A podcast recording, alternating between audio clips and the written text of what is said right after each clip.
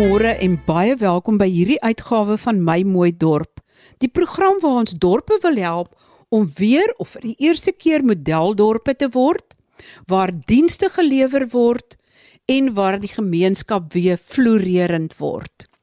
Ek het so 2 weke gelede gesels in die eerste van my reeks van 2 uitgawes oor die watervoorsiening in die Sondagsriviervallei om hierdie voorsiening van water in die vallei te gebruik as 'n voorbeeld van hoe watervoorsiening werk en waar daar dinge reg kan loop en waar daar dinge skeef kan loop. Want dit is dikwels nie net een departement of een groep wat betrokke is by die watervoorsiening van 'n dorp nie. Die departement van water en sanitasie het 'n sekere rol te speel distriksmunisipaliteite het 'n sekere rol te speel en die plaaslike munisipaliteit het ook 'n rol te speel. In die geval van die Sondagsriviervallei, is dit die Laar Sondagsriviervallei Watergebruikersvereniging wat as agent optree en wat die watervoorsiening van die hele vallei beheer en ook rou water aan die dorp lewer. En ons gaan dan ook kyk, hoekom dit dan soms gebeur dat in 'n dorp waar daar elke dag water beskikbaar is, daar tog daar verbygaan wat die dorp nie water het nie. Gereeld oor 'n naweek is die dorp sonder water. Hoe gebeur dit as die watergebruikersvereniging op 'n gereelde basis en klokslag voldoende water aan 'n dorp lewer? Ek sit nou die gesprek voort van 2 weke terug oor die watervoorsiening in die Sondagsriviervallei. Ek gesels vandag met Mike Primmer. Hy's die hoofuitvoerende beampte van die Laar Sondagsrivier Watergebruikersvereniging en ook met Aldrey Nel. Hy's die operasionele bestuurder. En anders as in baie ander munisipaliteite in ander gebiede van die land, werk die watersake in die Sondagsriviervallei nogal besonder goed. Ek het hoogtepunte uit die eerste gesprek saamgevoeg en dan sit ek die gesprek voort. Most of our water does not come directly from the catchment area of the Darlington Dam. That's a naturally dry area. Most of our water comes from the Harip system. A lot of that water comes down the Orange River. It, a lot of it is derived from the Lesotho Highlands water scheme. It flows into the system at Harip and from there all the way through to us via a system of tunnels and canals and natural river watercourses. Into the Darlington Dam. From Darlington Dam, we do controlled releases basically down the Sundays River, and we abstract the water that we need from that particular system into our agricultural areas, and we also supply, at this point in time, about two thirds of Nelson Mandela Bay's water that they require. Ja, soos Mike genoem het, die water kom van die Gariepdam af, gaan hy in die Oofus tonnel in. Dis 'n verskriklike groot tonnel. Jy kan met 'n voertuig in die tonnel ry. Ek dink hy's 7 meter in in diameter. Gaan hy deur 'n bergreeks, dan gooi hy uit in die Tebespruit rivier. Van daar af loop die water in die natuurlike rivier af tot in die Grassridge dam. Van daar af word die water losgelaat in die Groot Visrivier wat dan verby Kraddock hardloop in die Elandsdrift weer in net voor Koekhuis waar die water onderverdeel word tussen waar dit na ons toe gaan en waar dit in die Groot Vis skema ingaan. Hy hardloop dan in 'n tweede tonnel, dis die Koekhuis tonnel, gaan hy deur die Demiskraal weer waar hy weer onderverdeel word tussen die Klein Visrivier en die Skoenmakersrivier. Wat hy dan afgaan van die rivier af in 'n kanaal in en so hardloop hy tot in Darlington Dam waar ons dan nou die dam beheer. Van Darlington Dam af, ons skryf weeklikse versoeke oor hoeveel water ons in ons skema moet inlaat, dan werk ons presies uit wanneer en vir hoe lank en hoe groot ons die Darlington dam moet oopmaak. Water hardloop dan van die Darlington dam af in die Sonnas rivier tot hier buite Kirkwood waar ons dit in die Korons drift weer opvang. Van daar af is daar groot sluise wat dan nou in ons betonkanaal infrastruktuur werk, die water laat inlaat en van daar af is ons dan nou in beheer van van al die sluise om al die water van Kirkwood af reg deur tot in Addo, um oral waar dit moet wees, te bring. We supply Kirkwood, Kirkwood Town. Most of the townships that are attached to Kirkwood, we also supply Enon and Beersheba, uh, as well as Patterson and Addo. And then, as we said before, there's a lot of our water, basically 30% of our water goes across to feed the Nelson Mandela Bay Metro scheme as well. This water is vital for Port Elizabeth. It's vital for agriculture in this region. It's vital for all the industries in Port Elizabeth. Without the water that we supply, Port Elizabeth would be in a very, very, very dire strait. We would not have the industry we have there. We would not have the agriculture we have here. I think very, very many people's lives would be very negatively affected if we had no water down the scheme. Our water use efficiency at this point in time from our scheme is around about between 7 and 9% maximum. For an open channel system, that's exceptional. The international standards are sitting at about 15%. I speak under correction. The water reticulation system in Port Elizabeth at this point in time is sitting in the region of about between 28 and 29% losses in a closed system. It just gives you an illustration of what a little bit more intensive maintenance and keeping your eyes on what needs to happen, when it needs to happen, and having a very, very close relationship with the managers on your particular scheme and particular area of responsibility can do for you. There's a section of canal that, that falls under the direct control of Department of Water and Sanitation. They are responsible for the infrastructure, they are responsible for refurbishment and betterments on that particular part of the infrastructure. That main part of the infrastructure that they look after is about 46 kilometers long or they're supposed to look after that part of the scheme. We are basically there to look after the maintenance of that particular canal. Now, from that particular canal, we have got a whole lot of subsidiary feeder canals that come off, which actually belong to the, the Water User Association. In total, we've got about 370 kilometers of canals that we maintain, we operate, we measure, we look after. Yes, most of that is our lined canals. Uh, we have about less than five kilometers of the old earthen type canals, which we are working on at the moment to replace as well. But yes, uh, the main canal actually and the dams belong to the Department of Water and Sanitation. They are responsible for refurbishment. They are responsible for replacement of failed infrastructure and um, issues like that. Marie ons het die maande van Mei, Junie en Julie het ons geleentheid om op 'n Maandag en 'n Dinsdag die kanale droog te hê. Ons het 'n uh, abnormale geval hierdie jaar oor Port Elizabeth so in 'n waterkrisis sit, het hulle gevra dat ons asseblief op die hoofkanaal slegs elke tweede week moet droog lê. Maar wat dan nou behels as die as die kanale droog is, kan ons na 'n jaar in die kanaal afstap en kyk hoe lyk die panele, die fisiese panele? Hoe lyk die joints, die laste tussen die panele en oor die algemeen is dit die plekke waar die waterverliese waar die waar die water lek is op as gekraakte panele wat jy net sien as die kanaal leeg is. Ek meen meeste van die kanale loop propvol vir die hele jaar. En uh, dan op die laste self. En wanneer ons dan nou so op 'n maandag of 'n dinsdag kan, stap ons af.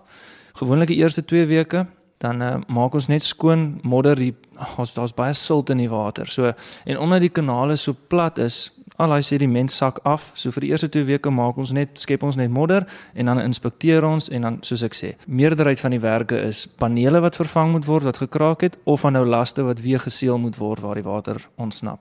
The canals are fairly old. They've got a design life of about 30 years, as far as I can make out. They're now sitting at about 35 years since they were last constructed. Basically, at the, the end of their design life, they should be replaced relatively soon. I would recommend they be replaced relatively soon. But at this juncture, there doesn't seem to be any movement in that direction. I know there are plans to build another dam right next door to the existing dam of Skepersvlakte. Those plans are in place. However, the actual canal system that feeds that particular dam or will be expected to feed that particular dam by that stage will be probably close to about 40 years old, which is way past its design life. And yes, there, there can be no guarantees that that particular supplier will continue at the rate that we are currently able to supply. Ja, ons het nou intensief oplossings gesoek want ons het juis ons eie kanaal wat teen 'n krans loop wat ons oor besorg is wat ons nou planne in plek probeer sit. Daar is moderne oplossings wat 'n mens in Engels nou jy reline die kanaal. Ehm um, daar's die konvensionele jy bou die kanaal oor, maar tyd is hierson nie in ons kant nie. Ons moet die 5 werksdae wat ons het, al 5 dae is al water in die kanale. So ons het sê maar tussen 5 en 10 dae om 'n paar honderd meter se kanaal te bedek met hierdie produk en daarom het ons vir hierdie is so 'n rubber vinyl, so dun, ek dink is 'n 2 mm dik rubber mat as jy nou wil wat ons die kanaal mee gaan gaan uitline. Ek verstaan dat 'n paar jaar gelede en ek dink dit was in 2017, het daar eintlik 'n deel van die kanaal hier naby Dambrowdy en ek as ek vir die luisteraar kan sê dit is nou tussen Kirkwood en Sunland. Het 'n deel van die kanaal letterlik meegegee. Nou intussen tyd is daar walle gestoot en dit is uh, gelyn sodat daar darm water kan deurvloei. Maar ek verstaan dat die hoeveelheid water en die drukkrag van die water wat daar deurvloei verminder moes word anders te kan daai gelapte deel dalk weer breek. Sedert 2017 is dit die water en sanitasie se verpligting om dit reg te maak en is dit al reggemaak? Murray, unfortunately, I can say it is at this point in time still not repaired. But uh, there is a little bit of light at the end of this tunnel because, yes, uh, the Department of Water and Sanitation construction arm is basically, I think, about two months away from being ready to tie in that particular canal. We should be able to supply about 13 cubic of water down there. But at this point in time, we are limited to about eight and a half cubic down that particular canal. The reason we limit it to about eight and a half cubic through that particular break is, as you said, it might fail again. We don't know because that repair that was made was made on a temporary basis. It was not designed to be a permanent solution. It was never intended that it sit there for five years. On my particular personal opinion, I think that canal could have been repaired a long, long time ago. It should not have taken more than six months to a year to repair. But now, unfortunately, we're sitting at nearly four years. To my mind, we're actually living on borrowed time. If that canal is not repaired in the very, very near future or connected in the very near future, we are actually making a possible scenario that's terrible to contemplate because the water supply to Port Elizabeth and all of these little towns around us will be drastically affected. Never mind the billions of rands of exports that go through the, the agricultural sector of the Sundays River Valley as well. En nou vir die skoknuus. Want buiten dat dit 4 en 'n half jaar later is en die departement van waterwese en sanitasie nog steeds nie hierdie projek voltooi het nie. En dat die water teen 'n lae volume daardeur moes vloei en dit 'n groot impak op baie dele van die watervoorsieningsketting het. Het die koste om hierdie projekte voltooi die afgelope 4 en 'n half jaar min of meer vertiendubbel. Oorspronklik is geraam dat om die kanaal te herstel so wat tussen 10 en 25 miljoen rand sou kos. Die beraamde koste vir die herstel van die kanaal beloop na raming reeds meer as 200 miljoen rand. Buiten dat dit 'n vertraging was van 4 en 'n half jaar deur die departement van waterwese en sanitasie, het dit ook geweldige koste implikasies vir die belastingbetaler. Wat is die kwaliteit wat uit die Gariep dam uitkom en word dit swakker hoe verder dit in die streek afgaan en as daar besoedeling is, waar lê die probleemareas? Die data behoort beskikbaar te wees vir die publiek, die kwaliteit van die water wat uit die Gariepdam uitkom. Maar dit behoort baie goeie kwaliteit water te wees. Ek meen dit is massas water waarvan ons praat. So as daar enige ongediertes is, die konsentrasie behoort so laag te wees. Ons meet by Koransdrift weer waar ons die water in ons kanaalstelsel intrek. Ons meet min of meer hier in die middel waar Skepersvlakte dam is en dan meet ons onder by Baaklie brug. Wat ek al gesien het is dat die kwaliteit verskriklik vinnig afneem soos wat hy stroom af in die stelsel gaan. Een parameter waarna ons kyk is die E. coli getal. Ek het al gehad waar party maande dan is die E. coli of verskriklik min of 0 by Koransdrift weer waar dit nou uit die rivier uitkom. En dan as dit al by Skepersvlakte dam is, dan SANS het sekere standaarde dit moet onder die SAN se standaard wees, dan is dit veilig. Dit is nie veilig as dit hierso by Skepersvlakte dam kom nie. Nou, ek dink daar's so baie menslike aktiwiteit om ons kanale. Ek meen die kanaal hardloop deur Kirkoderi dorp. Elke tweede ou het toegang tot die kanaal. As dit droog is, jy kry banke, jy kry karbande, jy kry klein voertuie, jy kry allerlei goed in die kanaal. So ek dink dit is een rede hoekom die hoekom die kwaliteit afneem. En dan moet ek ook sê wat ek nou nog nie kan verklaar hoekom nie, maar ons het ook al gekry dat by Koransdrift self waar die water uit die rivier uitkom, is die E. coli getal ook baie hoog. En ek weet nie van baie menslike aktiwiteit tussen Darlington Dam en Koransdrift weer nie. So dan kan ek nie verklaar hoekom is die water se kwaliteit dan klaar so sleg nie. Jy het nou genoem van die kanaal wat deur die dorp loop en daar het ook al kinders in die kanaal geval. Maar ek het ook al gesien daar's 'n baie netjiese heining wat opgesit is, maar as ek 'n week later daar kom aan die heining weg, gaan kan jy duidelik die heining daar om een van die plakkers te sien of in een van die huise van die Boedorp wil ek amper sê. Is dit 'n groot probleem wat julle eintlik die kanaal wil veilig hou sodat mense en kinders en diere nie daarin val nie, maar dat die gemeenskap waar deur dit vloei dan eintlik self die heininge steel en afbreek. Is dit 'n probleem?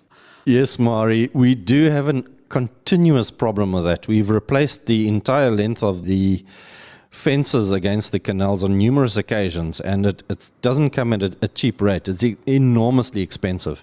The cooperation from the local communities has in the past been very poor. The fences do not last very long, but they probably got a lifespan of six months at maximum before they are all vandalized or carted away or used for other purposes. We have spoken to Department of Water and Sanitation on numerous occasions in regard to this. They are at this point in time looking at alternative means, as far as I'm aware. They're looking at alternative means to maybe secure the canal, specifically in the areas where we do have higher population and higher incidence of people falling into the canals and, drowning incidents. We are of the view that none of these incidents should happen at any particular point in time. We are very hamstrung in what we're able to do because we are not a law enforcement agency. We are only so big. We've applied to the police on numerous occasions, our local police force on numerous occasions, that they enforce the local bylaws in terms of the canals, um, stopping people grazing their cattle or the kids playing next to the canals and things like that. But we've had very, very little cooperation and success at this point in time. In terms of community cooperation with the safety around the, the canals, we have to say it's, it's a continuous battle and we will continue to fight that battle. We cannot, even one person falling in there, drowning and losing their lives is far too many to even countenance. So we will carry on doing what we can, bearing in mind we do not have an open ended checkbook. We have to do what we can, but that is one of the most important aspects that we look at at this particular point in time. Julle verskaf hoewel julle nie verantwoordelik is vir die presiese waterbestuur binne in Kirkwood of in die woongebiede rondom Kirkwood nie. Verskaf julle 'n sekere hoeveelheid water aan die dorp. Kan julle dalk 'n verklaring gee van julle kant af hoekom daar elke nou en dan nie genoeg water in die dorp is nie. Is dit waterpype wat bars? Is dit dat die munisipaliteit nie betyds genoeg water in die reservoir sit sodat daar oor 'n naweek water is nie? Waar dink julle lê die probleem?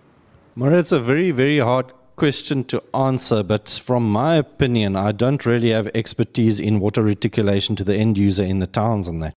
But from what we can see is that the detention ponds or retention ponds that we let the water into, we control the release to these ponds. The dams are simply not big enough. There are relatively simple solutions to that. We can increase the size of the dams, we can increase the height of the dams. By increasing the height of those particular dams by a minimum of 500 millimeters would probably increase the capacity for the town by virtually double it. So there's some very simple solutions to it. They need not cost the end, the earth, but uh, we actually need someone of the local authorities to make the particular decision and, and to get this system working properly because at this point in time we can supply as much water as what Kirkwood needs at any particular point in time. The problem is that those dams that where we store the raw water are simply not big enough and it needs to be taken up at a local level and at a council level basically as to how they can rectify that. Sal julle bereid wees om te help in 'n raadgewende hoedanigheid om die plaaslike munisipaliteit by te staan om oplossings te vind? Yes, Mari, by all means. We're more than willing. Our doors are always open. If anybody needs advice, our opinion, or whatever in terms of that, we've got some very educated, very experienced people who work with us who have been in the water game for very, very, very many years, who've studied intensively. And yes, we do have the expertise to help. Um, all it requires is that whoever needs our help, just knock on the door, send us an SMS, send us a phone call, and we will definitely help as far as what we possibly can. Ek is seker ek gaan in 'n een, van my volgende gesprekke vertel van die samewerking wat gaan plaasvind. Ehm um, ek is mos baie positief.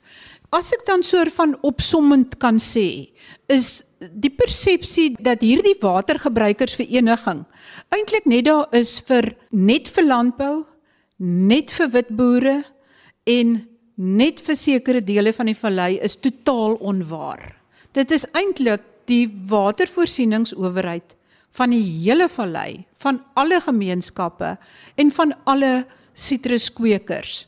Maak nie saak of dit iemand is wat lankal op 'n plaas is en of dit iemand is wat pas begin boer het nie.